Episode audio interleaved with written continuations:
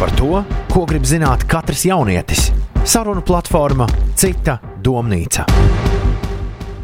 Raidījumu atbalsta Izglītības un zinātnes ministrijas jaunatnes politikas valsts programma. Esiet sveicināti piecēlēju klausītāji, kā arī piecēlēju YouTube kanāla skatītāji. Klāt ir radījums Cita domnīca, mans vārds ir nemainīgi Karmen Stepanova, un mēs esam pietuvojušies eh, brīdim, kad mums jau principā pakausu elpo gada izskaņa. Ir 30. decembris un ir laiks sākt domāt par eh, nākamo gadu. Tas, protams, ir tas, par ko cilvēki domā. Visu decembri viņi plāno, vai man būs apņemšanās, vai es neko neapņemšos, vai es apņemšos neapņemties. Un tādēļ diezgan likumsakrīgi, ka šis ir arī šīs citas domnīcas temats. Vai ir kaut kas, ko mēs gribam sasniegt nākamajā gadā, vai mums pietiek ar to, kur mēs esam, un tā mēs arī turpināsim. Šodien eh, personīgos pieredzes stāstos, ieteikumos un pārdomās dalīsies trīs viesi.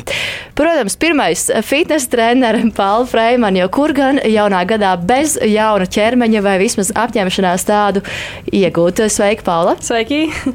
Arī jaunieti, kur ir studējusi ekonomiku ārzemēs, šobrīd, kā pati saka, aktīvi darbojas politikas virzīšanā ekonomikas ministrijā Beāta Jonīta. Sveiki! Un arī 20 gadus vecais jaunietis, students, kurš izvēlējies savu dzīvi veltīt kino režijai, kā arī šī gada lielā Kristapa laureāts kategorijā labākā debija Emīls Alps. Sveiki! Esam šeit satikušies, un man prieks jūs šeit visus redzēt. Pārstāvat katrs savā, savu nozari, katram ir savs kaut kāds virziens, uz kuru jūs ejat vai kur esat nokļuvuši. Tādēļ varēsiet palīdzēt kopīgi risināt jautājumu par to, kā sasniegt savus mērķus, ja gadījumā, sākoties 2020. gadam, šādi mērķi ir. Un, protams, jūs paši arī esat nonākuši līdz turienei, kur jūs esat savas neatlaidības dēļ. Varam to redzēt gan jūsu sasniegumos, gan jūsu sociālajos tīklos, gan jūsu saņemtajās balvās. Un, Beāts gadījumā arī ziņās ik pa laikam parādās tas, ka ļoti jauna ekonomikas ministra padomniece. Jā. jā, arī pārāk jauna arī tas ir izskanējis. Pirms mēs sākam par to runāt, vai jūs atceraties kādu gadījumu, kad paši esat pirms jaunā gada izteikuši kādu apņemšanos? Jā. Katru gadu. Katru gadu, jā. vai tās katru gadu ir viens un tās pašas vai mainās? Nē, mainās, bet uh, katru gadu kaut kā piepildās. Tas ir galvenais. Es laikam pēdējos daudzus gadus cenšos sev nelikt specifiskas apņemšanās, bet kādreiz, kad liku, viņas gandrīz nekad nepiepildījās. Viņas bija tādas pārāk. Nu, Tāds apņemšanās, ko tu vari apņemties arī jebkurā citā dienā, nav jābūt jaunam gadam. Vai tas bet, ir vairāk sportot, vairāk, vairāk lasīt? Man liekas, tas standarts, kas ir not, kad bija kaut 16, 17, tad vienmēr bija vairāk sportot, vairāk grāmatas, vairāk viss. Un tad, kā, rezultātā nu, jaunais gads neko nemaina. Tu jau paliec tas pats cilvēks. Tā kā to var jebkurā citā dienā apņemties darīt. Emīļa, kā ar tevi? Nu, tā ir tāda baiga apņemšanās uh, izdomāt, ko es tagad mainīšu savā dzīvē vienas dienas. Uh, tādā laikā. Un es laikam pie, piefiksēju to, ka pienāk tas uh, jaunais gads, 1. janvārs, visas svin. Un tad es atceros, ka vajadzēja kaut ko sev piespiest, tagad mainīt, un viss tā, un nē, nē, nē tad to es, un tad es atlieku vēlāk. Iespējams, ka 1. janvārī vienkārši nav enerģijas kaut ko sākt darīt. Nu, vajag pasvinēt arī nedaudz. Mm. Nevajag uzreiz tā, tagad, ok, bija salūts forši, tur, tur kaut ko papriecājāmies, padzērām šampanieti. Tā, rīta darbs, ko mēs tagad. Nu, Bišķiņi kaut kā jādod savu vaļā atpūsties arī. Sveiciens, protams, visiem tiem, kam 1. janvārī ir darbs, vai būs darbs, vai katru gadu ir darbs. Mēs arī piecēlā Instagram stāstā uzdevām jautājumu uz sekotājiem par to, kāda ir viņu jaungada apņemšanās, un um, saņēmām diezgan daudz atbildžu. Paldies jums par tām. Piemēram, uh, mazāk patērēt plasmasu, mazāk strādāt, klasiskais sportot un ēst veselīgāk, vairāk sveikt citus vārdu dienās. Šis ir diezgan interesanti, ņemot vērā to, ka arvien vairāk nāks lasīt par cilvēkiem, kas gribētu nekad vairs nesvinēt vārdu dienas, pavadīt vairāk laika ar mīļiem cilvēkiem un, protams, vairāk mīlēt pašam sevi, rūpēties par sevi, uzcelt māju, atmest kaitīgos ieradumus, beigt dzert cukurūdeņus un visu ko citu. Vai kādā no šīm redzat arī sevi, iespējams, nākamajā gadā? Viennozīmīgi tre, trešā apņemšanās sarakstā ir tā, tā mana galvenā apņemšanās uz nākamo gadu. Cerams, uz šodienu, uz rītdienu nav jābūt jaunam gadam, bet uh, jā, strādāju tādā nozarē, kur ja, ja tu esi godīgs cilvēks, tad uh, politikā tu atdod no sevis visu, lai būtu labi citiem. Un, un tas, tas ir tas, kā es cenšos visu darīt savā dzīvē. Un, uh, un tā rezultātā es esmu vairākas reizes šogad izdegusi līdz ļoti, ļoti neforšam līmenim. Un, uh, Un ir jā, jāvelta vairāk laika sev, jo veltot laiku sev, es arī pēc tam vairāk laika varēšu un vairāk enerģijas varēšu dot citiem. Tā, tā ir tā, ir tā manējā. Pāla, vai tu redzi sevi?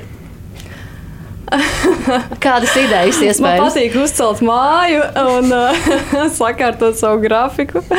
Man liekas, ka uh, ar grafiku kārtošanu man ir problēmas jau ilgu laiku. Es cenšos atrast laiku vienmēr kaut kādām tādām sīkām lietām. Un, Vajadzētu jau jaunajā gadā. Piemēram, atsākt filmēt YouTube video.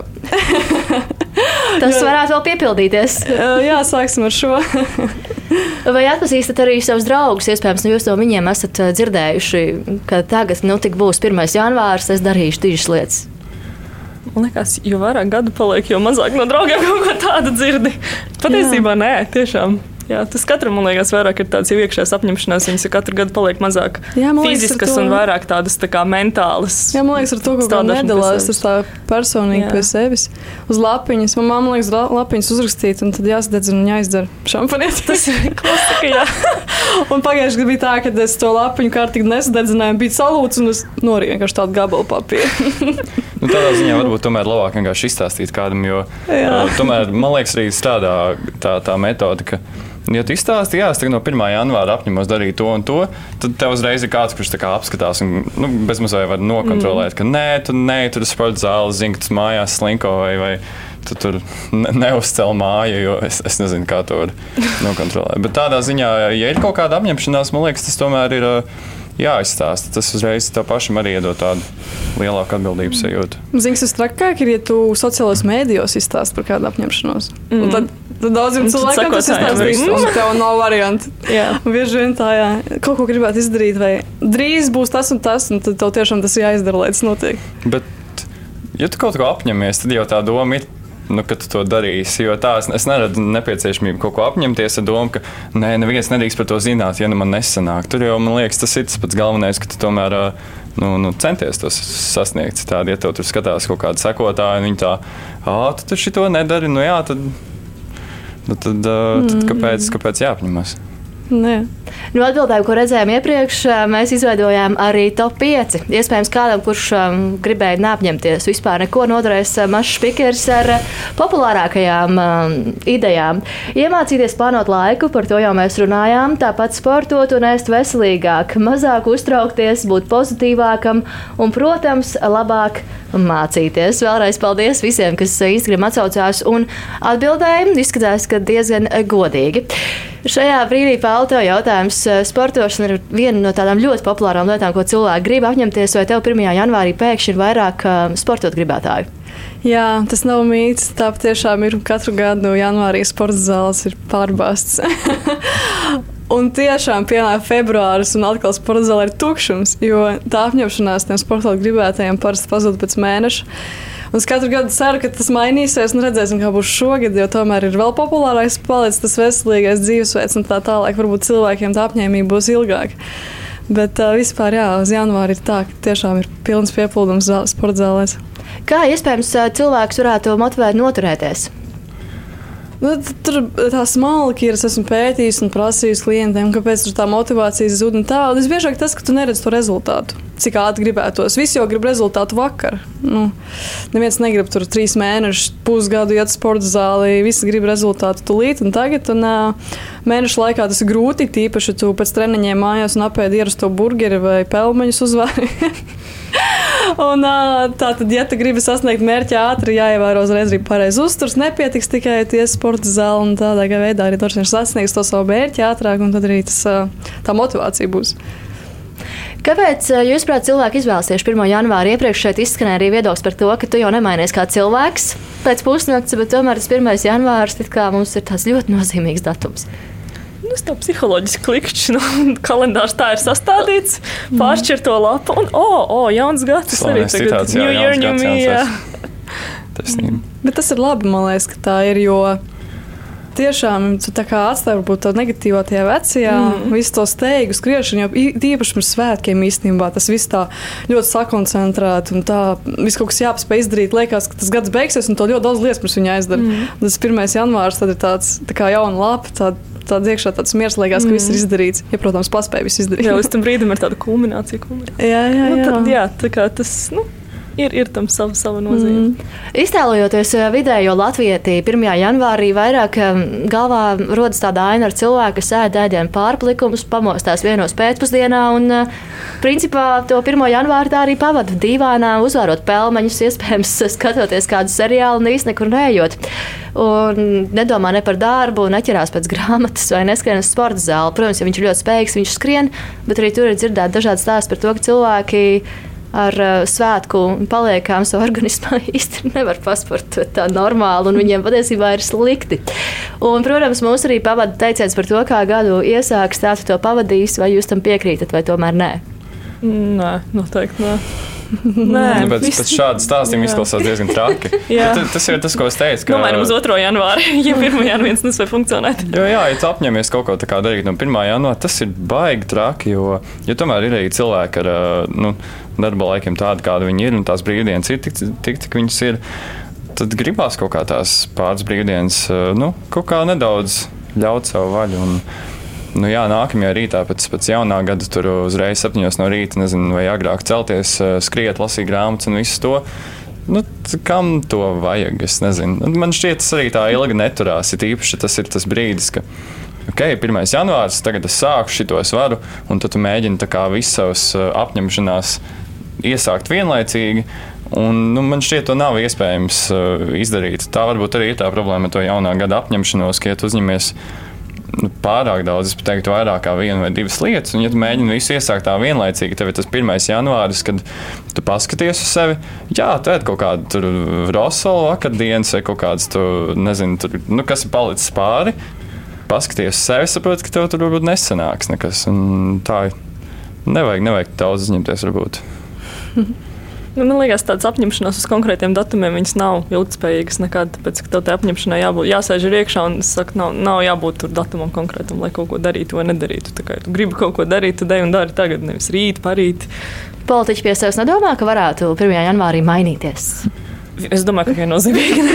Tāpēc, ka uz 1. janvāra jau viss grafiks ir sastādīts iepriekšējā gadā, un vēl piecus gadus atpakaļ. Un, uh, tas nē, nē, nē, noteikti. Uh, iekšēji varbūt uh, politiķi domā par savām privātajām lietām, kur kaut ko varētu mainīt, bet, uh, bet nē, tur, tur viss notiek daudz uh, lēnāk un paredzamāk. Labi, dažreiz arī pēdējā laikā daudz neparedzamas situācijas bija, bet parasti, parasti ir saplānots. Daudz maz kaut kā uz priekšu. Vismaz vēlētājiem ir uz ko noskatīties. Radījums ir domāts atgriezīsies pēc brīža. Tagad gan piecēlē ēterā laiks mūzikai. Esam kopā ieskrējušies šajā tematā, un to arī turpināsim pēc brīža.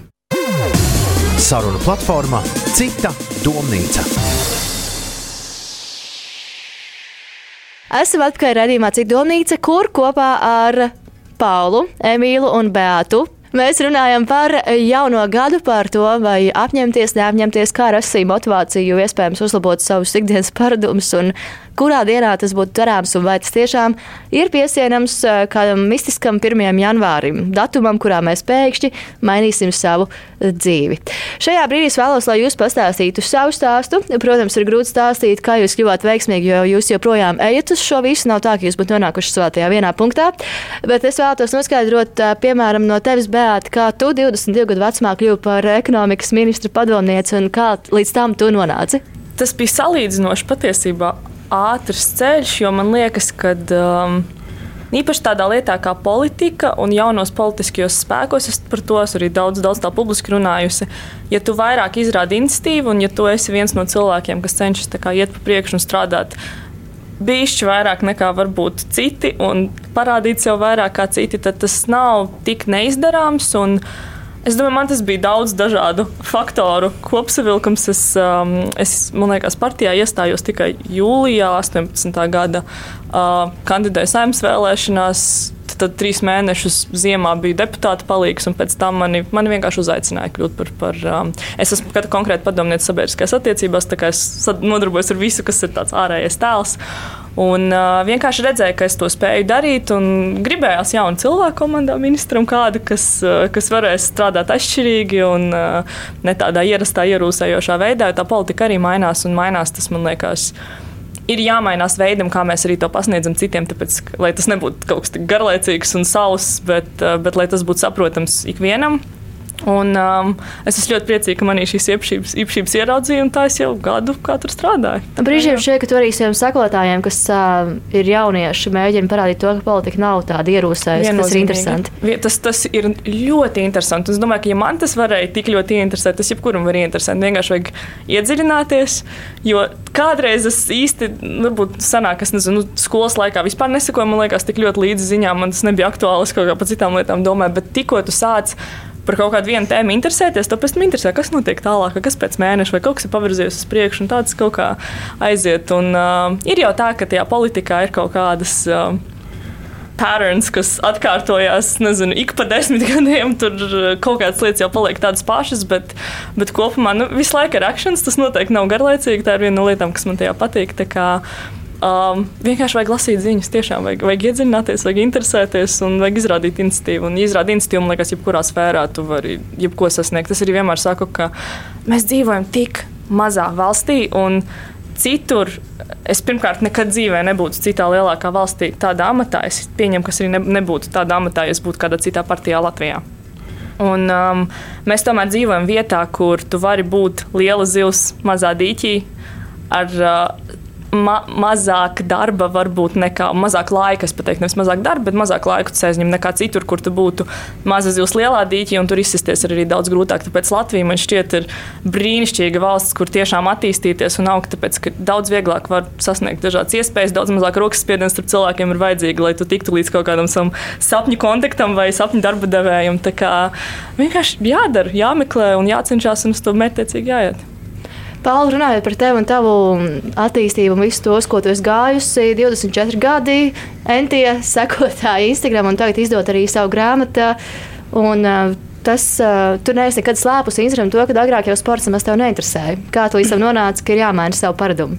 Oh, tas ceļš vispār tik gars. Tā īsa, īsā teikumā uh, izstāstīt, uh, bet uh, ja tā vienkārši. Es sāku mācīties Rīgā un uh, aiziet prom no ģimenes, no mājām. Viena pati dzīvojot, visu laiku sanāca neuslīgi ēst un, un, un tā līdzīgi. Un, uh, es pieņēmu svarā baigi. Un, uh, Tad es sapratu, ka man ir kaut kas jāmaina dzīvē. Un es sāku iet uz sporta zāli 17 gados. Ne, man bija 16, gan arī 17 jau tulīt palika. Un, uh, tā es sāku iet uz sporta zāli. Man tas tā aizrāva, nu, kad vienkārši sapratu, tas ir mans. Uh, es tieši tajā laikā mācījos interjeru dizainu. Un sapratu, tas ir vispār kaut kas uz otru pusi. Man tas neinteresē. Es saprotu, ka sports tas, ko es gribu darīt. Un, tā arī tas notika teorētiski. Tā, tas bija tas gads, kad īstenībā Latvijā arī parādījās Instagram. Un, uh, es sāku aktīvi dalīties ar to sociālajos mēdījos. Latvijā tajā laikā vēl nekas īstenībā tāds nebija. Tāda, tāda fitnes cilvēka kaut kāda Instagram um, Latvijā nē, nebija. Un, uh, es domāju, tāpēc arī tie cilvēki nu, sāka sekot aktīvi līdzi un joprojām seko. Un, um, kā Bējā teica, baigi piekrīt, ka Latvijā tiešām īstenībā ir liels. Tad cilvēkiem liekas, ka, ko mēs šeit, ko mēs varam izdarīt, maza valsts, kas mēs tādi esam, nu, ņemot vērā uz citām valst, valstīm. Ja, bet, uh, Īstenībā, jā, mums nav tik daudz to cilvēku, kas kaut ko dara tajās nišās, super un skaļi un plaši. Un, tāpēc es domāju, arī varētu teikt, ka tāpēc tā izaugsme ir tik liela. Es nezinu, kā būtu, ja es, piemēram, Amerikā kaut ko tādu darītu. Varbūt uh, tur jau desmit tādas citas ir, kā es iespējams. Tu no Amerikas, piemēram, ņēmi piemēru? Vai tu meklē piemērus, kā iesākt? Jā, es, es tajā laikā, kad tas instruments parādījās, es sekoju ļoti daudz amerikāņu fitnes modelēm un skatījos, ko viņas tur ēd un dara. Un, un kā viņas vispār to dara, jo Latvijā nebija piemērs, uz ko skatīties. Un, Tā kā jā, es domāju, Amerikā ir tik daudz cilvēku, tādu nu, vispār visā pasaulē. Latvijā mums tomēr nav tik daudz to lielo zivju. un, tāpēc ir vieglāk arī, piemēram, man pavāra grāmatu, kur pieminēja Latvijā vēl nekas tāds nav bijis. Protams, ka cilvēkiem ir interesanti to redzēt. Es pieņemu, tajā pašā Amerikā vai Krievijā tur ir kaut kas tāds jau līdzīgs. Un, tāpēc man liekas, arī tas veiksmības stāsts ir, ir tāds, kāds viņš ir. Un, uh, man prieks, ka mēs esam Latvijā un uh, cilvēki tiešām daudz atbalsta arī. Kāds prieks ir dzirdēt, ka kāds pasakā, ir prieks būt Latvijā. Yes. Tā bieži negadās. Jo man ir arī pieredze, es dzīvoju Francijā, man nāko divus gadus. Un nu, franču mentalitāte pret latviešu mentalitāti. Nu, nu, es, es nevarēju, man bija tā, tur ir skaisti, tur ir forši, tur ir cilvēks maidīgi, jā, bet nu, tas nav tas. Man patīk, ka mēs latvieši esam tādi vienkārši. Citreiz, ai, ko tu tur tirgu tantu, kas sāk kauties. Man tas patīk, es nezinu, man patīk tie cilvēki, tā mentalitāte mūsu, tie, tie ir manējie. Ja, un, tāpēc man tiešām gribas atrasties mājās, un kas pārvācas atpakaļ uz mājām, es biju tik laimīga. Beidzot, cilvēks man saprot. Un, uh, jā, tāpēc. Uh, Tiešām patīk Latvijā dzīvot, un negribas dzīvot ārzemēs, nu, vismaz tuvākajā laikā vairs ne. Tātad mēs nevienā brīdī neredzēsim to, ka Paula pēkšņi pārvācas tuvāko, tuvākajos Nevar gados. nekad, jā, nevar zināt. Turbūt man tur uz Ameriku piedāvā aizšaut. Nu, protams, kā, kādu laiciņu var padzīvot, bet tā iedomājieties sev visu dzīvi un vēl varbūt ģimeni veidot ārzemēs. Nē, kaut kā neredz to. Emīlija, kā ir ar tevi? Kā tu 20 gados saprati to, ka kino režija ir tas, ko tu vēlēsies darīt? Un, vai brīdī, kad tu uzzināji, ka es nominēšu lielajam Kristupam, nesāk tā kā trīcēt ceļi nedaudz? Es uh, vēl aizvien neesmu īsti sapratis to, kāpēc es, uh, eju kino režijā, un vai tas ir tas, ko es uh, arī, arī darīšu. Bet man šķiet, tas ir normāli. Un, uh, jā, nu, 20 gadi tas ir tāds uh, dīvains vecums, tikko izaudzis no kaut kādas pusauģa kājas, kuras uh, vienkārši nesakoja īsti nekam līdzi. Un ar, ar vienu kāju jau kā pieaugušo pasaulē, un jāveic kaut kādas pieaugušo lietas, un tad uh, tīpaši to visu Kristapu. Uh, man bija tāds ļoti nu, sajūta, ka tur esmu svešs tajā visā. Jo tā uh, mana, mana pieteikšanās Kristapam bija tāda, nu jā, man ir filma, viņa principā atbilst kritērijiem, nu, lai aiziet. Un, Un tad es nonācu līdz šim. Tas viss ir viens liels uh, virpulis, kur, uh, nu, mums jau arī šī, šī sarunas temats ir vienkārši kaut ko mēģināt un darīt. Bet uh, nu, tas nekad nav bijis tāds, ka es. Uh, iedomājos, ka jā, es tagad uh, pēc vidusskolas uzreiz uh, iešu studēt kino režiju, taisīšu filmu. Tā.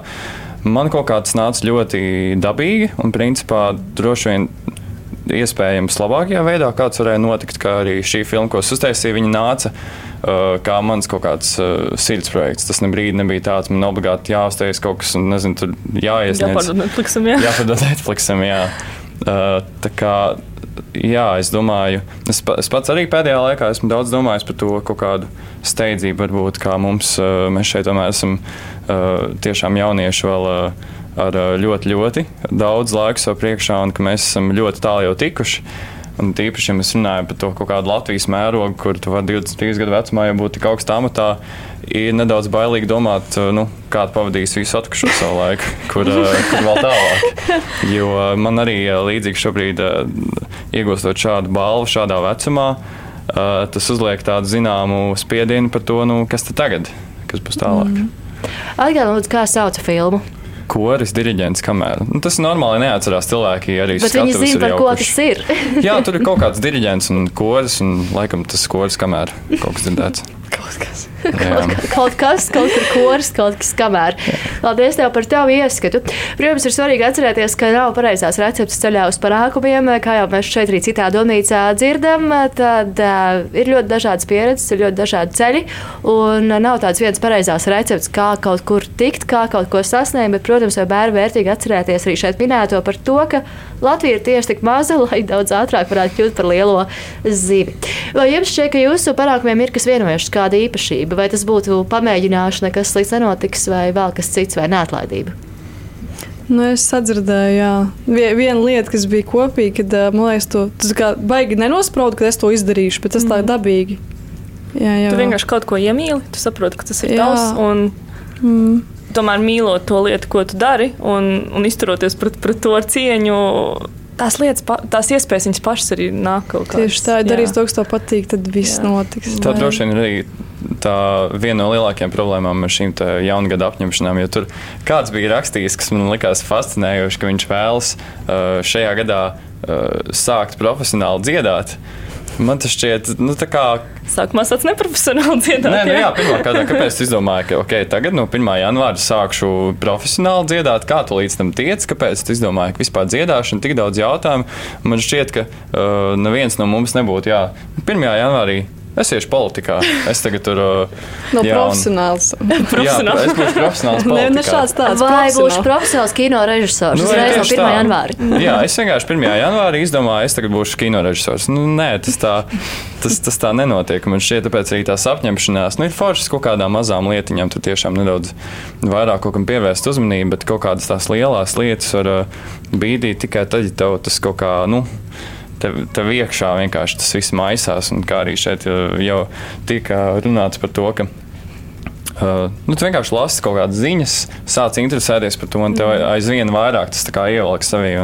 Es domāju, ka sports ir līdzīgi, ka tu vienkārši kaut ko sāc darīt, un tu redzi kaut kādā brīdī to visu progresu, un tu, tu redzi, kā tas izmaina tevi. Mm -hmm. tas, tas ir tāds process, kas, kas tev pilnībā ievelk, un, tu, ja tu tam māki pilnībā doties, tad arī nav nekādu iemeslu uh, to nedarīt uh, nu, profesionāli, kā profesionāli dziedāšana. Mm, azarts, azarts. Jā. Mm. Tagad cits domnīcas turpinājumā noklausīsimies uh, kaimiņu braucējas Ulas Zirnas komentāru par to, kā izdodas, kā neizdodas, kā atpūsties un gal galā, kā viņa sadzīvo ar sportu, ar neveiksmēm un sacensībām. Čau, es esmu Ula Zirna. Par mērķiem un motivāciju runājot, manuprāt, motivācijai nevajadzētu būt kaut kam tādam, kas ir jāmeklē katru dienu. Es uzskatu, ka galvenais ir dzīvē darīt to, kas tev tiešām patīk.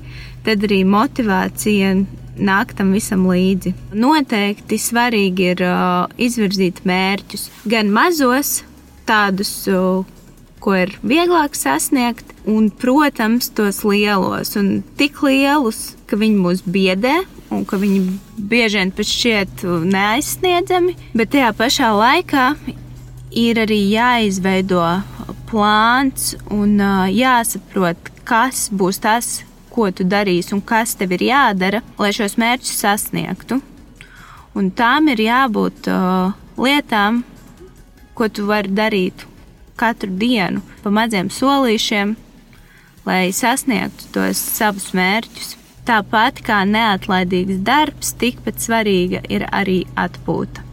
Tā ir lieta, kas uh, dažreiz arī man ir sagādā problēmas, tāpēc, ka vienmēr uh, gribas darīt vairāk, vienmēr gribas darīt labāk, bet tu nevari pilnvērtīgi strādāt, uh, ja tu neesi atpūties.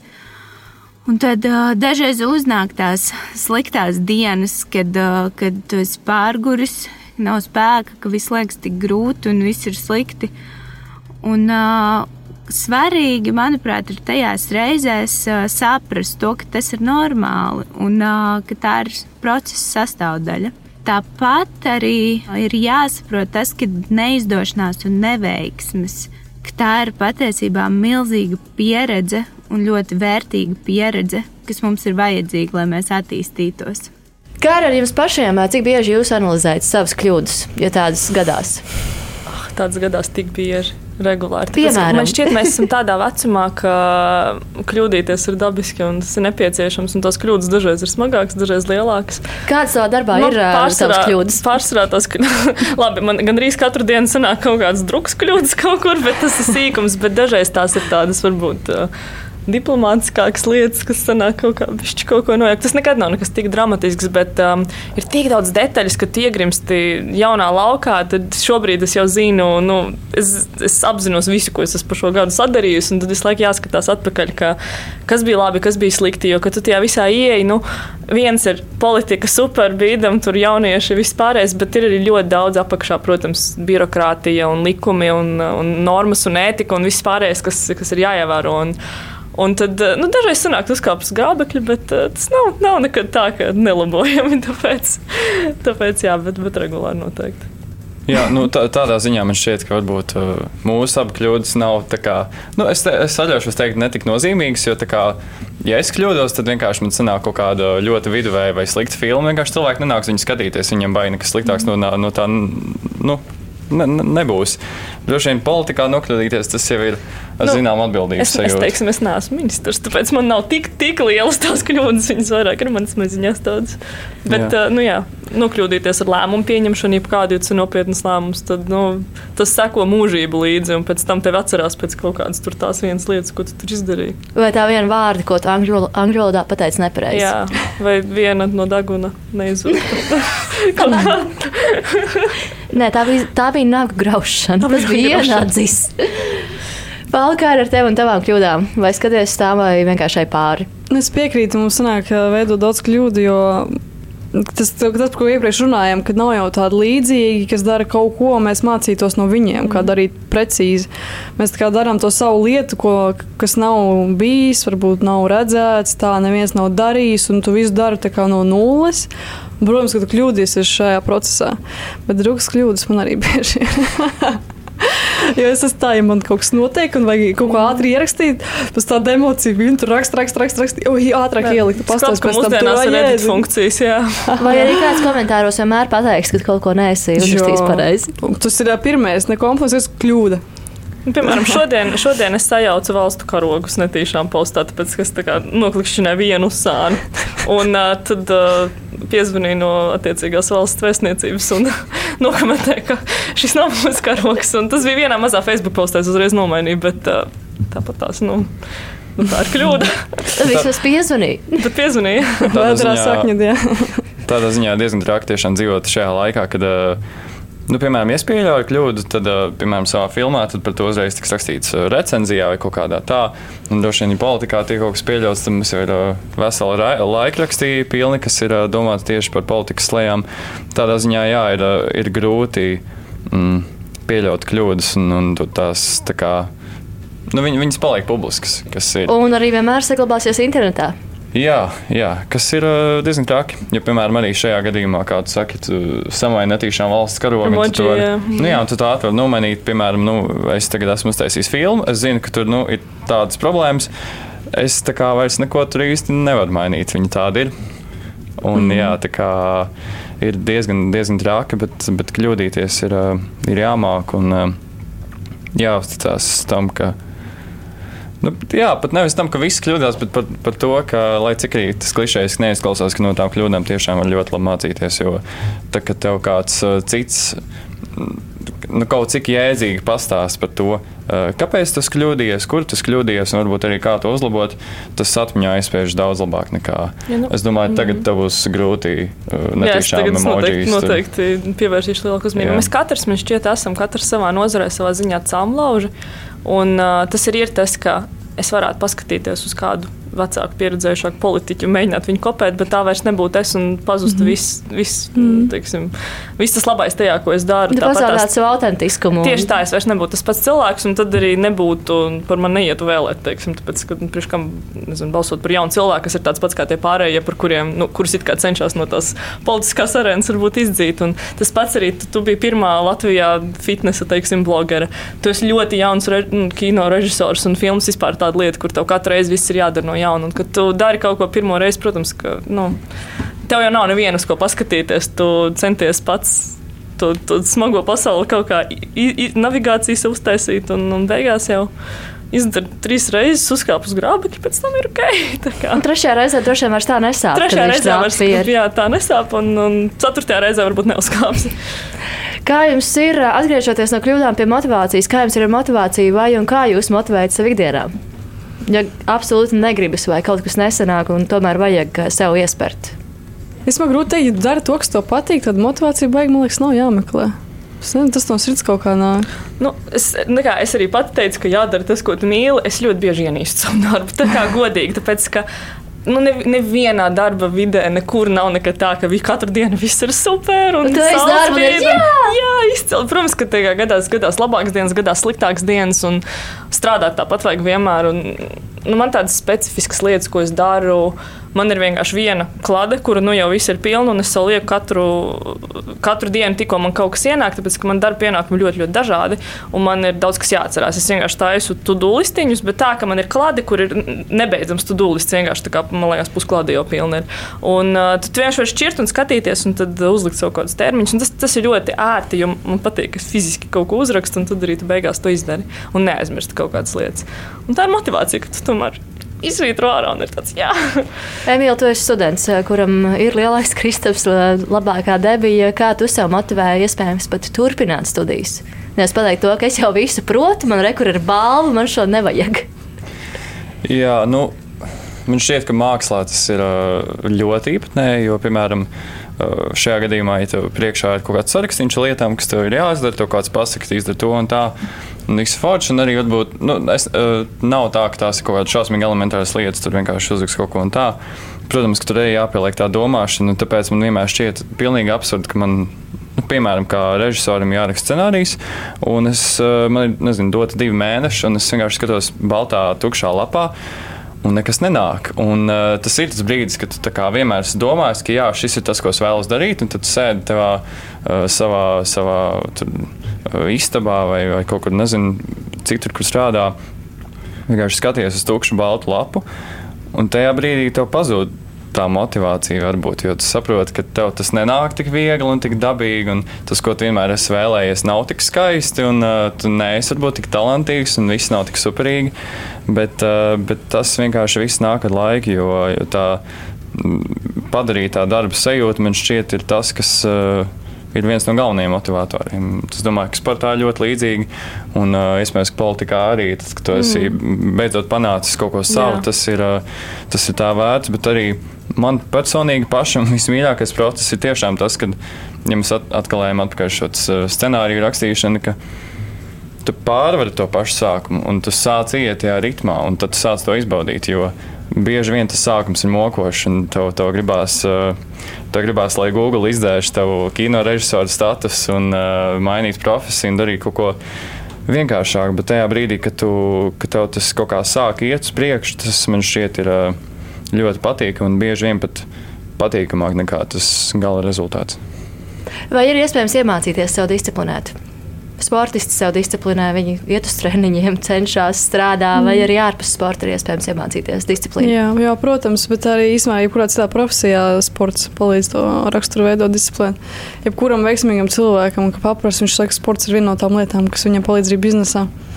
Un, jo tu ļoti fiziski iemācoties kaut ko darīt, ko tev negribas, arī morāli uzreiz to dari. Un, tas ir iespējams viennozīmīgi. Vai jūs sportojat? Jā, Uh, bet manā gadījumā tas ir nedaudz atšķirīgi. Man nav sevi jādisciplinē sportot, jo es beidzot pēc 24 gadiem esmu atradusi sporta veidu, kurus tā dievinu, ka es nevaru sagaidīt treniņus.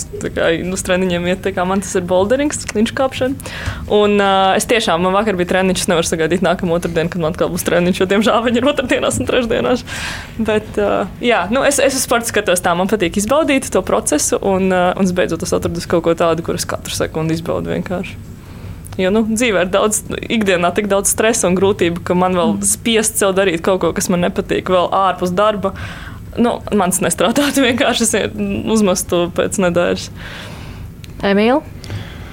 Nu, man tas ir ļoti epizodiski kaut kādu brīdi es, eh, es centos aktīvi sportot, gāju sporta zāli un, un visas šīs te, eh, mūsdienīgās, eh, stilīgās lietas. Un tad kaut kādā brīdī tu uz, uz īsu brīdi pārtrauks, un arī tas, kas tika jau minēts par to, te, par to ka jāmāk atpūsties. Un, nu, ir, ir, Tā atpūta ir uzvarējusi. Tā atpūta iespējams ir uzvarējusi, bet arī tas brīdis, kad gribētos pie tā atgriezties, un, un atkal mēs atgriežamies pie temata par to kaut kādu laika plānošanu, kad skaties kalendārā. Un, nu, nav nu, vienkārši nu, nav. Tad ir diezgan traki, bet um, man šķiet tā svarīgākā atziņa, ko esmu pats ieguvis par uh, tieši šo te, uh, kaut kādu laika plānošanu. Kas, uh, nu, protams, var ierakstīt Google, Google šo atslēgas vārdus un atrast veselus sarakstus, kā tur labāk plānot savu laiku un kādas darbības darīt. Bet es vienkārši esmu ļoti labi sapratis, ka man tāda lieta kā brīvais laiks nav man vienkārši viss ir aizņemts. Tad es izdomāju, kuru no šī aizņemtā laika es varu ieplānot kaut kam citam. Un es domāju, ka līdzīgi man vajadzētu darīt sportu. Jo uh, jebkurā brīdī, kad man kaut kas izkrīt, parādās kaut kas cits, ko es varētu darīt. Tāpēc uh, tāds termins brīvais laiks man personīgi nepastāv. Es domāju, ka iespējams ir ļoti daudz cilvēku, kam tāds pastāv. Bet man tas ir vienkārši, es domāju, arī kā, kā daudziem citiem, ka tu piespiedz sevi ielikt šajā grafikā kaut ko tādu, kas, nu, piemēram, šajā gadījumā sporta. Mm. Paldies jums par jūsu atbildēm līdz šim brīdim. Esam noskaidrojuši arī vairāk par jūsu pašiem un sportošanu. Skaidrs, ka Paulā nav jājautā, vai viņi sporto, tas ir diezgan savādi. Bet rādījums ir domīts atgriezīsies pēc neliela brīža, tādēļ paliec kopā ar mums un tikmēr piecēlē ētrā mūzika. Saruna platformā Cita domnīca. Radījums Vidonīts ir atpakaļ, un iepriekšējās divās raidījuma daļās mēs sapratām, kādi ir šīs dienas viesu stāsti, ar ko viņi nodarbojas, vai viņi sporto vai nē, un vai 1. janvārim viņu dzīvē ir kāda īpaša nozīme. O, piemēram, Pauli ikdienā trenē cilvēkus, palīdz viņiem iegūt labāku fizisko formu, vai ir vēl kaut kas, ko pievienot šiem labajiem darbiem? Uh, radu receptes veselīgās, ar kurām dalos sociālos mēdījos. Un, uh, tāda kā sevis attīstīšana, jā, nemitīga. Tāpat filmēšanās, fotografēšanās, dalīšanās ar to mēdījos, kaut kāda video veidošana, kam es mēģināšu atrast laiku šogad. nu, kaut, kaut kā tā, jā. Beata veic dažādas pienākumus, kā ekonomikas ministrs, sabiedrisko attiecību padomniece. Un arī sociālajos tīklos cenšas parādīt jauniešiem to, ka politika nav neinteresanta, garlaicīga vai sastāvējusies, un mm. to parāda tieši no jauniešu perspektīvas. Tikmēr Emīls ir radījis filmu, kas ir iegūsi balvu kā labākā debija, turpina, es ceru, strādāt ar filmām un studē arī kino režiju. Daudz dažādi stāsti. Ja jums ikdienā nākas nokļūt situācijā, kur jūs atopaties rutīnā, kā jūs cenšaties no tās tikt ārā? Vai jūsu profesijās ir iespējama rutīna? Uz ceļojumu. Ceļojums uzreiz. Uzreiz jā, tik līdz jūtas. Jā, jā. Patiesībā es piekrītu. Pat uz mm. brīvdienām izbraukt mm -hmm. piekdienas vakarā un palikt sestdienas vēdienā. Vai pietiek ar braukšanu, piemēram, uz Lietuvu, Igauniju vai jābrauc jā. tālāk? Nē, nē, nē pietiek mierīgi. Mm. Kaut vai uz citu pilsētu Latvijā vienkārši atslēgties no tā ikdienas. Jā, jā dara arī Latgali. mierīgi. jā, es domāju, tiešām pat. Uh, tāda izbraukšana uz kaut kādu savu asinīcu vai kaut ko tādu. Es personīgi zinu, ka man šķiet, ka kā mēs visiem, kā mums visiem tagad decembris ir tāds uh, liels saspringuma laiks, un tā kā viss ir jāpabeidz līdz gada beigām, tāpēc, ka tad ir 1. janvārs, šis mistiskais uh, datums, kad viss jāsāk no jauna. un uh, līdz tam es uh, droši vien tāpat kā daudz citi cenšos pabeigt visu iesākto novest līdz galam. Un ļoti ceru, ka es varēšu pavadīt nedaudz brīvu laiku vienkārši savā asinīcā un, nu jā, savā ziņā iesākt jauno gadu tā no jauna. Kā jums ir ar brīžiem, kad jūs iespējams noraujaties, Pāvils, vai tev gadās norauties un apēst kaut ko neveselīgu, iespējams, kaut ko tādu, ko tu pat Instagramā neliktu sakotājiem, nerādīt to, ka šodien paslīdēju?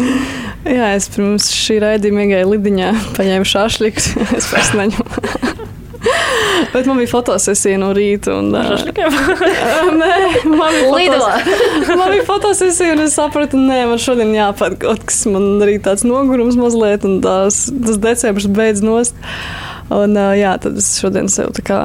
Nu, man tā ir ar to ēdienu. Es uz viņu skatos savādāk. Man viņš nav tāds ikdienišs, kaut kāds saprotams, komforta ēdiens. Man tā tiešām ir svētki, tad es atļaujos kaut ko paēst, un tas ēdiens garšo pavisam savādāk. Tā ir disciplīna. Mm. Beāt, kā tu tiec galā ar sevi dienās, kad tu gribi gulēt, iespējams, mājās, neko nedarīt, nekustēties, nekur neiet? Un, pēdējos divus mēnešus, man liekas, tikai to vien gribu. Tātad no rītiem tu sēdi uz gultas malas un vienkārši domā, kāpēc es šo daru? Gluži tā nav, beigās es pieceļos vienmēr, bet, bet tā pirmā sekunde, ka nē, nē, lūdzu, nē. Bet ir tā vienkārši, kad, kad sevi pārāk noslogot, tad uh, tas paliek grūti vienkārši strādāt. Tāpēc, tāpēc es saku, man viena no galvenajām apņemšanām vienkārši beidzot ir tā kā varbūt, varbūt aiziet ātrāk gulēt, varbūt nedarīt lietas līdz vienam naktī, lai jāceļās atkal sešos un saprot, ka tu katru dienu gulēji piecas stundas. Nav ok, nu, arī jau tomēr jau ir 24. Paliek smagāk un smagāk ar katru gadu.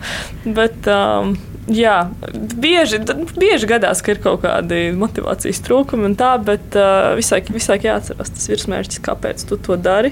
Škam, kā, nu, manā gadījumā man ir kaut kāda tā, tālāka vīzija, ka katrs solis, ko es spēru, katra lieta, ko es iemācos tagadējā darbā, man noved kaut kur vēl tālāk un, uh, un arvien vairāk palīdzēt globāli, palīdzēs globāli kaut ko mainīt. Ne globāli, bet nu, vismaz, vismaz lokāli Latvijā. Vismaz mūsu dīķī. Vismaz mūsu dīķī tieši tā. Emīlija, kā ar tevi? Vai tu mēdz uh, vienkārši nekustēties, paslinkot? Un kā tu tiec ārā no tā? Uh, nu, pilnīgi noteikti. Bez, bez tā nevar iztikt. Un, uh, lai gan es no 1. septembra biju pārliecināts, uh, es tagad sāku uh, iet augstskolā un es iešu lekcijām kārtīgi un neko nekavējuši. Un, uh, un Tas nē. ir tāds pirmkursnieka pirmā mēneša. Jā, jā pirmā mēneša konkrēti, jo, jo šobrīd ir palicis tā, ka tu mēģini kaut kā saprast, vai ir vērts. Uh, iet agri, agri no rīta, ja tu esi iepriekšējā vakarā līdz kaut kādiem trījiem uh, kaut ko strādājis un darbojies. Bet uh, nu, par to motivāciju ir tā, ka es cenšos uz viņu īsti nepaļauties. Jo, kā mēs šeit jau runājam par. Uh, Nu, nu, citreiz, jā, tu nesaproti īsti, kāpēc tu to dari. Citreiz ir uh, ļoti grūti un gribās vienkārši atpūsties. Un tad tu meklē to motivāciju, atkal celties un kaut ko darīt. Uh, es mēģinu aizmirst par to motivāciju. Es vienkārši saprotu, ka nu, tas ir jādara. Es esmu izdomājis, ka man tas ir jādara. Es studēju kino režiju, es eju uz to pusi. Man vienkārši tas ir jādara. Es domāju, ka uh, ikvienam tas kaut kādā ziņā pat var būt noderīgi. Ja, uh, tu negaidi to, ka jā, es tagad sev sirdī sapratīšu, kāpēc es gribu šorīt piecelties sešos no rīta un iet strādāt, varbūt kaut kādā nepārāk patīkamā darba vidē. Uh, tā katru rītu celties un meklēt jaunu motivāciju ir, ir ļoti grūti. Tāpēc citreiz ir vienkārši jāpierod pie tā, ka tas ir tas, ko esmu izlēms darīt. Un iespējams, ja es turpināšu to darīt, kaut kādā brīdī es. Uh, nu, atradīšu jaunu motivāciju, kas vienkārši mani vedīs vēl tālāk. Nevis tā kā lai es izdaru tos, tās lietas, kas man šobrīd jāizdara, bet uh, lai motivācija kalpo kā tāds dzinējspēks uh, lielākām lietām. Ceru, ka mēs visi tagad esam vismaz nedaudz uzlādējušies pēc Ziemassvētku brīvdienām. Tomēr, es gan lasīju viedokli par to, ka visu decembris cilvēkus nokauj, jo tev ir jāskrien, jāgādā dāvāns, tad ir jāsvin, tad ir jāēd, tad ir jāēd vēl mazliet. Un beigās tu sāc ienīst svētku laiku, ir sevišķi svētkus ienīst bērni, kuriem tiek iemācīts tas stress visu decembri. Mm. Ne, kad tu esi bērns, tad svētki man liekas ir forši, jo tev pašam ne par ko nav jādomā. tagad, tagad kaut kā tā. Mm. Ir jāsāk domāt. Ir, jā, ir jāsāk mm. domāt. Veidojot rādījumu, mēs uzrunājām arī dzīves treneri, lai uh, palīdz mums saprast piecas svarīgākās lietas, kuras ir jāiekļauj savā ikdienā, lai citēju, katra diena būtu veiksmīga. Tādēļ lūdzu uzmanību Dāņa Zeltena komentāram. O, es teikšu, laikam, ne jau tikai jaunajam gadam, vispār tā mērķa nospraušana ir ļoti svarīga. Bet teikt, ka tas noteikti strādā, tas droši vien svarīgāk cilvēkam galvā. Ja es ticu, ka mērķi man strādā, jā, tas strādās. Kā formulēt mērķi, teikšu, laikam pats pirmais, ar ko ir svarīgi sākt, tas varbūt pat pirms mērķiem vispār paskatīties uz ilgāku laika termiņu uz priekšu, uh, vīziju, kādas redz savu dzīves vīziju. Tas ir iespējams pēc gada, pieciem, desmit. Nu, ir jābūt ļoti drosmīgam cilvēkam, lai paskatītos savu simto dzimšanas dienu, kad es sēžu pie svētku galda. Ko es gribu, lai cilvēki man saka, kādu dzīvi esmu nodzīvojis, saskatīt šo vīziju, Un, ja cilvēkam būs vīzija, kādu dzīvi es gribu dzīvot, arī tā mērķu formulēšana, nospraustos mērķus būs daudz, daudz vieglāk. Lai uzsāktu ko jaunu, nu, es gribu teikt, redzēt to rezultātu, ko es gribu sasniegt. Uh, šobrīd ļoti daudz nāk strādāt ar jauniešiem skolās.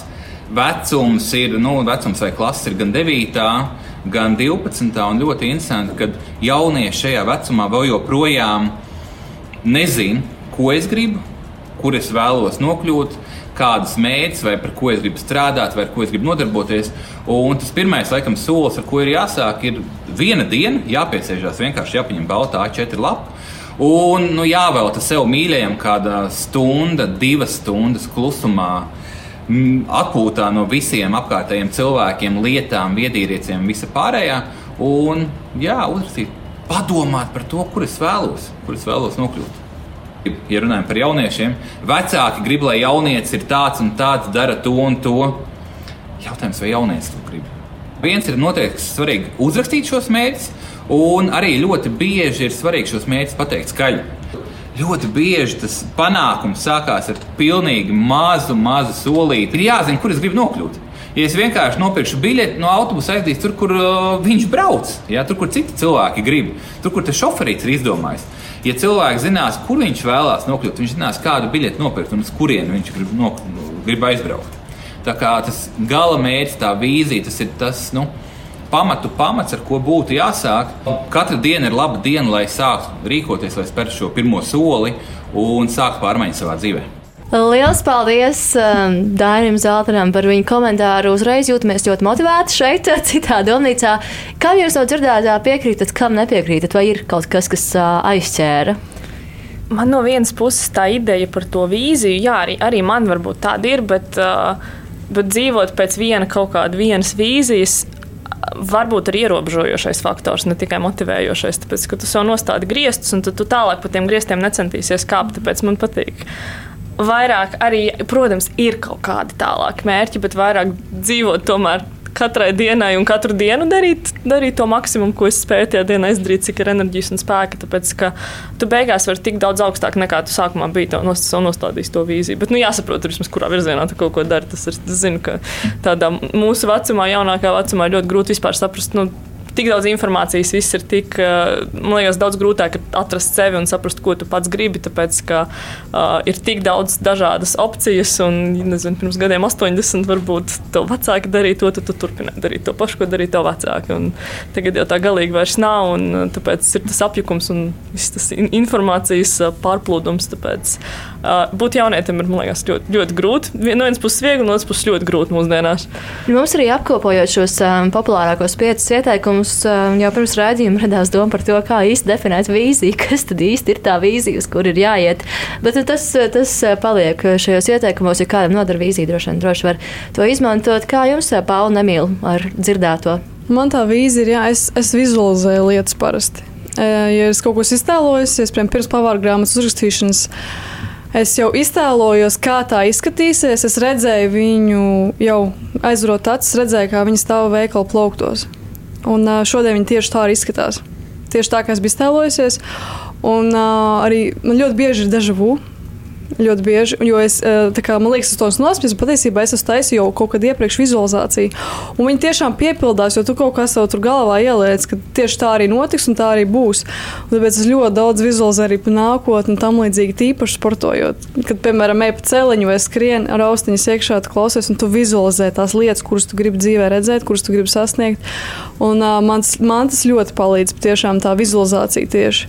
Emīlija, kā ar tevi? Vai uh, dzirdētais uh, kaut kur palika, vai uh, tu to palaidi? Kaut kur palika, jā. Kaut kur palika. Es, uh, es patiesībā esmu pie Dāņa arī iepriekš uh, pabijis un paklausījies šīs ta, uh, dzīves gudrības, un es varu tikai uh, uzslavēt cilvēkus, kuriem sanāk uh, pēc šāda plāna struktūrēt savu dzīvi, jo uh, pateikt, ka vīzija, ka tas ir tas pats pamats, kaut kādā ziņā jā, tāpat laikā ir, uh, man šķiet, ļoti, ļoti grūti līdz tam tikt. Un iespējams, es, es pats esmu atduries pret to, ka, ja tu mēģini izdomāt šīs lielās lietas, tas ir uzreiz tik daudz, ka tu apstājies pie tām mazajām. Tāpēc arī tā vīzija man šķiet ir kaut kas, kas izveidojas laika gaitā. Jo ir, nu, tas ir ļoti labi, ja tev kaut kas tāds stāv prātā, bet tajā pašā laikā es cenšos vienkārši daudz vairāk novērtēt kaut kādus tos uh, mazos dzīves un ikdienas sīkumiņus, kas uh, lielā mērā man iepriecina. Tad arī no tā var saprast, kas ir tas, kas tev patīk, kas ir tas, ko tu vēlēsies darīt. Un kaut kādā veidā apkopojot šo visu, arī vari varbūt radīt to savu vīziju. Bet uh, es esmu pats mēģinājis arī Uh, kā, kā arī tika minēts, nosēsties pie baltas A4 lapas un tagad sarakstīt uh, 10 gadus plānu, 20 gadus plānu, vīziju, visu tā. Nu, tas ir baigi grūti, un es saprotu, ka to droši vien visi arī apzinās. Bet uh, man šķiet, ka tas ir process, kam ir jānāk uh, lēnām un uh, iespējams mokoši reizēm. Bet, tā vienā vakarā, tāpat kā mēs tagad runājam par 1. janvāri par apņemšanām, kurām, kuras ir jāizpild jau no tāda kaut kāda mistiska pirmā datuma, man šķiet, ka tas, nu, kā jau arī tika minēts, ka tas zināmā veidā ierobežo un ir vienkārši ir jāsako līdzi sev, savām, savām izjūtām, savām domām, saviem mazajiem dzīves priekiem un jāsaprot, kā tā kops un varbūt veidot to, ko tu vēlēsies. Lai nokļūtu, lai nokļūtu pie sava mērķa, skaidrs, ka jāiet cauri grūtībām. Kā jūs esat pārvarējuši iespējams lielākās grūtības, ar kurām esat saskārušies? Kā jūs esat gājuši tam pāri ceļā uz uh, labākām lietām? Hmm. Jāpadomā, ne? Man tas laikam ir bijis. Uh, tas, tas smagākais ir bijis tas sadzīvot ar to visu publisko pusi, negatīvo mm -hmm. publisko pusi tam visam, jo tas ir. Bet, bet To es iemācījos jau agrākā vecumā, tāpēc, ka es biju, man liekas, pirmā YouTubera Latvijā meitene vispār savu laiku. Un, uh, un es no 15 gadu vecuma esmu internetā un visur redzama un dzirdama. Un tāpēc arī tad jau tu iemācies sadzīvot ar to, ka par tevi runās un runās nevienmēr labi. Un, bet šobrīd tas ir vēl pacelts citā līmenī, jo tagad tas nav.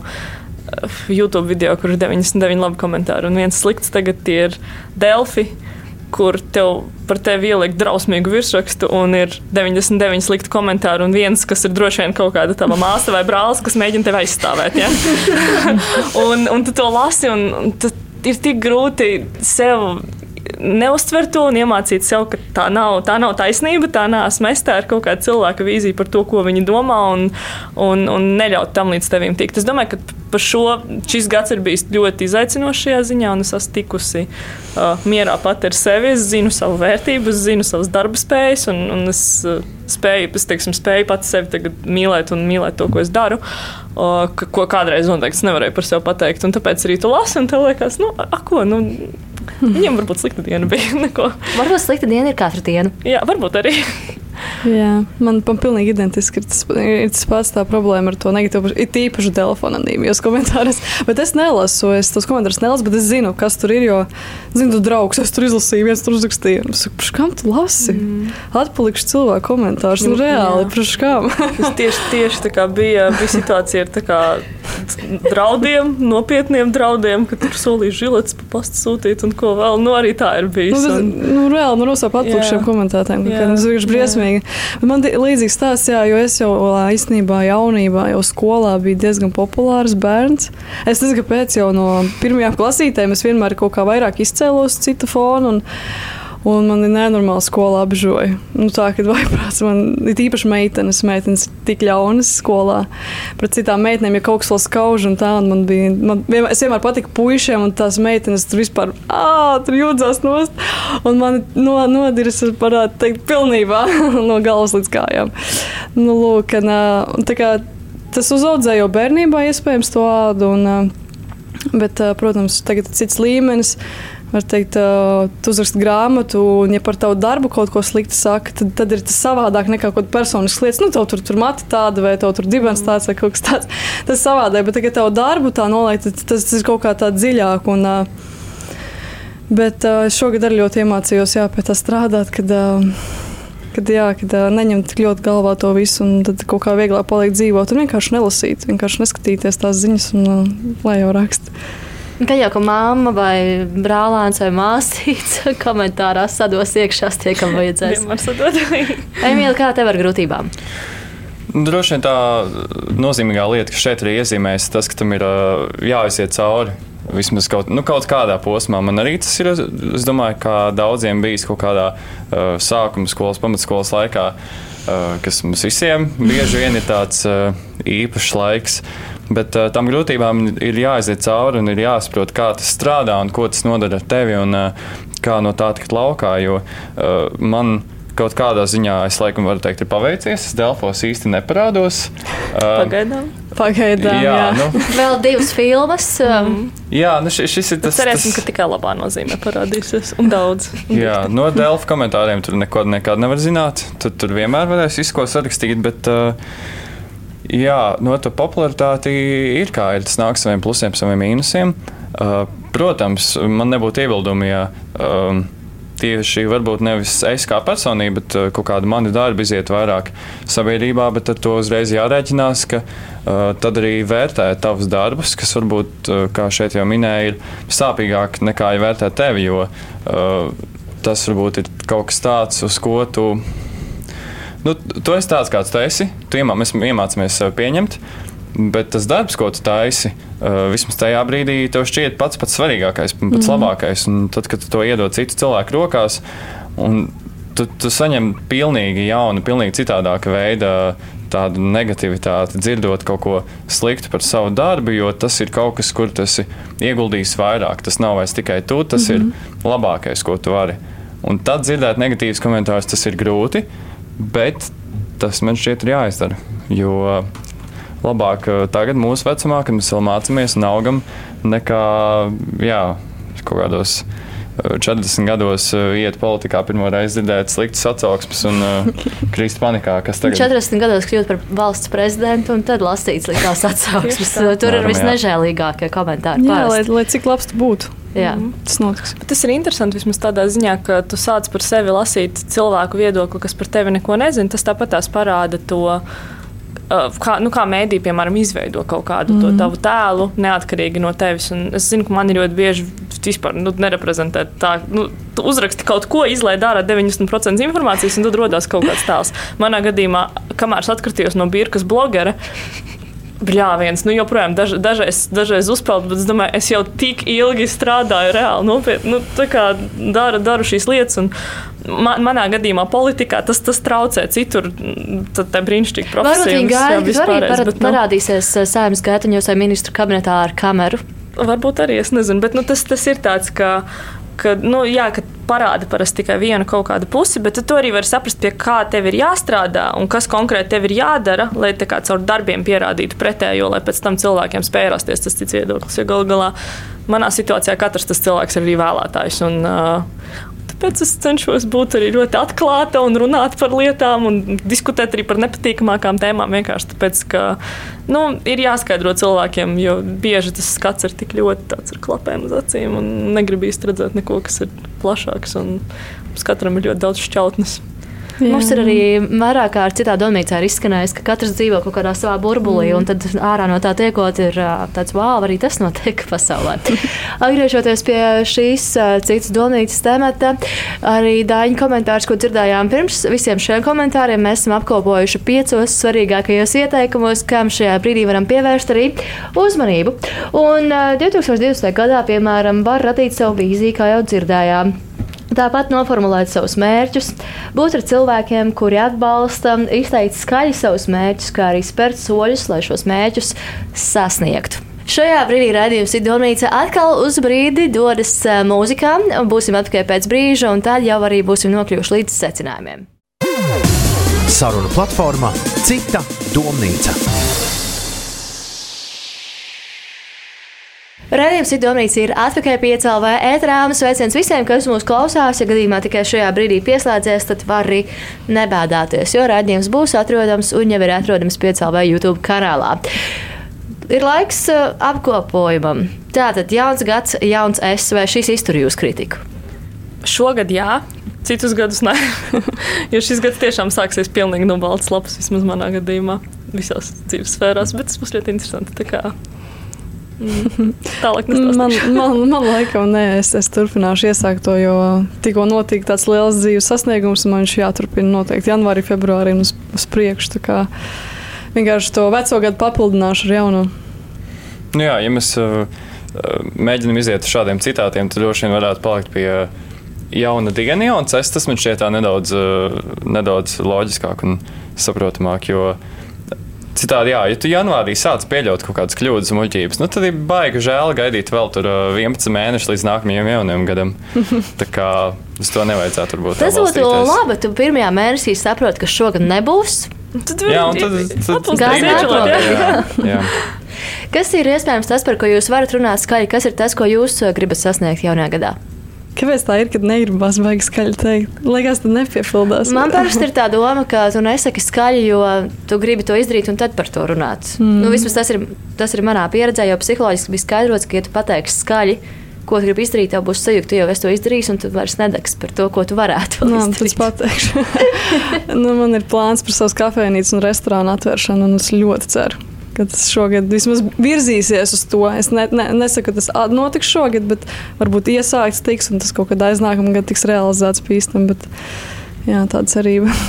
Nu, es no 2. janvāra sāku darbu jaunā vietā.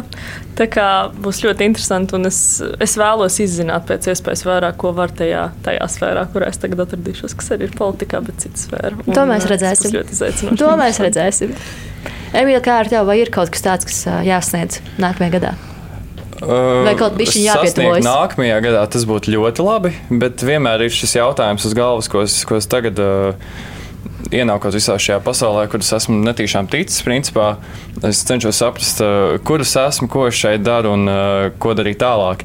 Ja es to pa vienu gadu izdarīšu, es domāju, es būšu ļoti priecīgs, bet es saprotu, ka tie ir tiešām tādi paši lieli dzīves jautājumi, kā šī kaut kāda vīzija uh, visai dzīvei.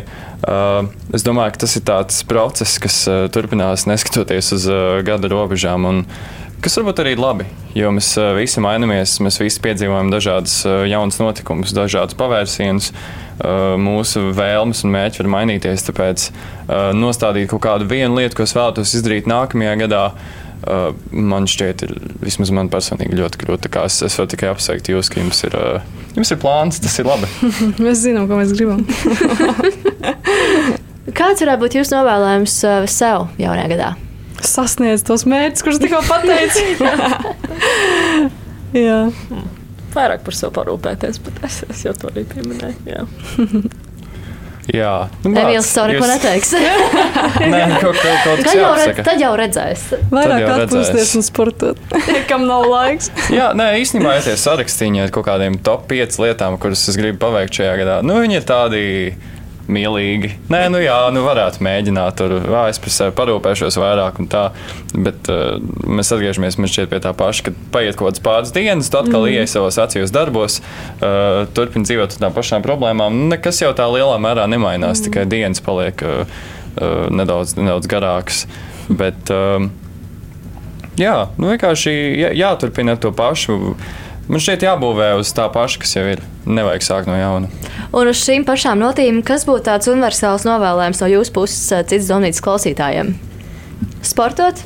Jā, protams, sportot un būt veselīgam tas ir jebkura veiksmes stāsta pamatā un uh, sev, sevis noticēšanā, jo katrā treniņā, kurā tu sev pārvari un pievari, pēc tam to var izmantot arī politikā, arī kino režis, rež, režis, režijā. režijā jā. un uh, jebkurā citā profesijā, un tas ir ļoti svarīgi.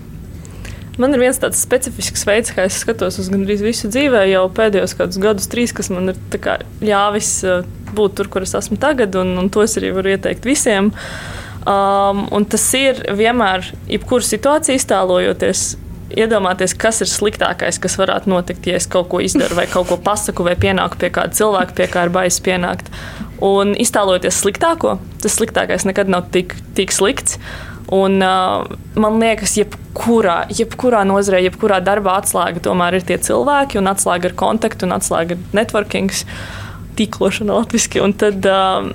Es tiešām sev, es nezinu, kas bija tas pavērsiens, bet to iemācīju, iemācīju sev to darīt. Tāpēc, ka kādreiz biju ļoti kautrīga, un tagad es redzu, vai tas ir valsts prezidents, premjerministrs, jebkur, jebkurš cilvēks, kas no klāt. Jā, es, es tiešām vienmēr skrienu klāt, jo citādi normāls cilvēks sabītos, bet uh, es sāku runāt, un tie visi ir tieši tādi paši cilvēki, kas, kam arī ir bijis 24, kas arī nav zinājuši, ko ar sevi darīt, apmēram, vai kaut ko cenšas sasniegt. Un uh, tas nekad nekad, nekad nav, nav ne pie kā slikta novedis. Vienmēr tas ir tikai pozitīvi, un tas ir ļāvis man būt tur, kur es esmu tagad, un to var novēlēt jebkuram. Tas sliktākais nekad nav tik slikts. Ir kāds cilvēks, ej pie viņa runāt, prasa to, ko tu gribi, un arī nevajag baidīties jautāt, jo mēs ļoti bieži mēģinām visu paši, un es tur viens un tā, bet, bet vajag prasīt palīdzību cilvēkiem, vajag prasīt padomus, un tas man liekas arī ļoti, ļoti palīdz. Bet, uh, mājās runāšanās un kontaktēšanās ar citiem. Tā ir vispār, vispār atslēga tā kā jebkam. Tādā ziņā droši vien tas uh, atslēgas vārds mums visiem ir vienkārši mēģināt kaut ko. Nu, kā, kā tu šeit teici, vienkārši jā, jāiet uzreiz pie visiem, jārunā ar visiem. Un, uh, es, es nezinu, varbūt tev ir tā vieglāk, man ar šo ir diezgan lielas grūtības. Tāpēc varbūt es novēlētu uz, uzdrīkstēties, mēģināt, mm, jo jā. uzreiz iet pa visiem simts. Un, kā, jā, viss, viss, viss īstenībā ir labi. Man nav par ko uztraukties, ejam tur, daram un viss tā. Tā var, bet tajā pirmajā brīdī man šķiet, ka tas, ir, tas, tas arī nav pārāk viegli. Tāpēc uzdrīkstēties, mēģināt, tas laikam būtu tas, uz ko, mm. es, uz ko es ietu.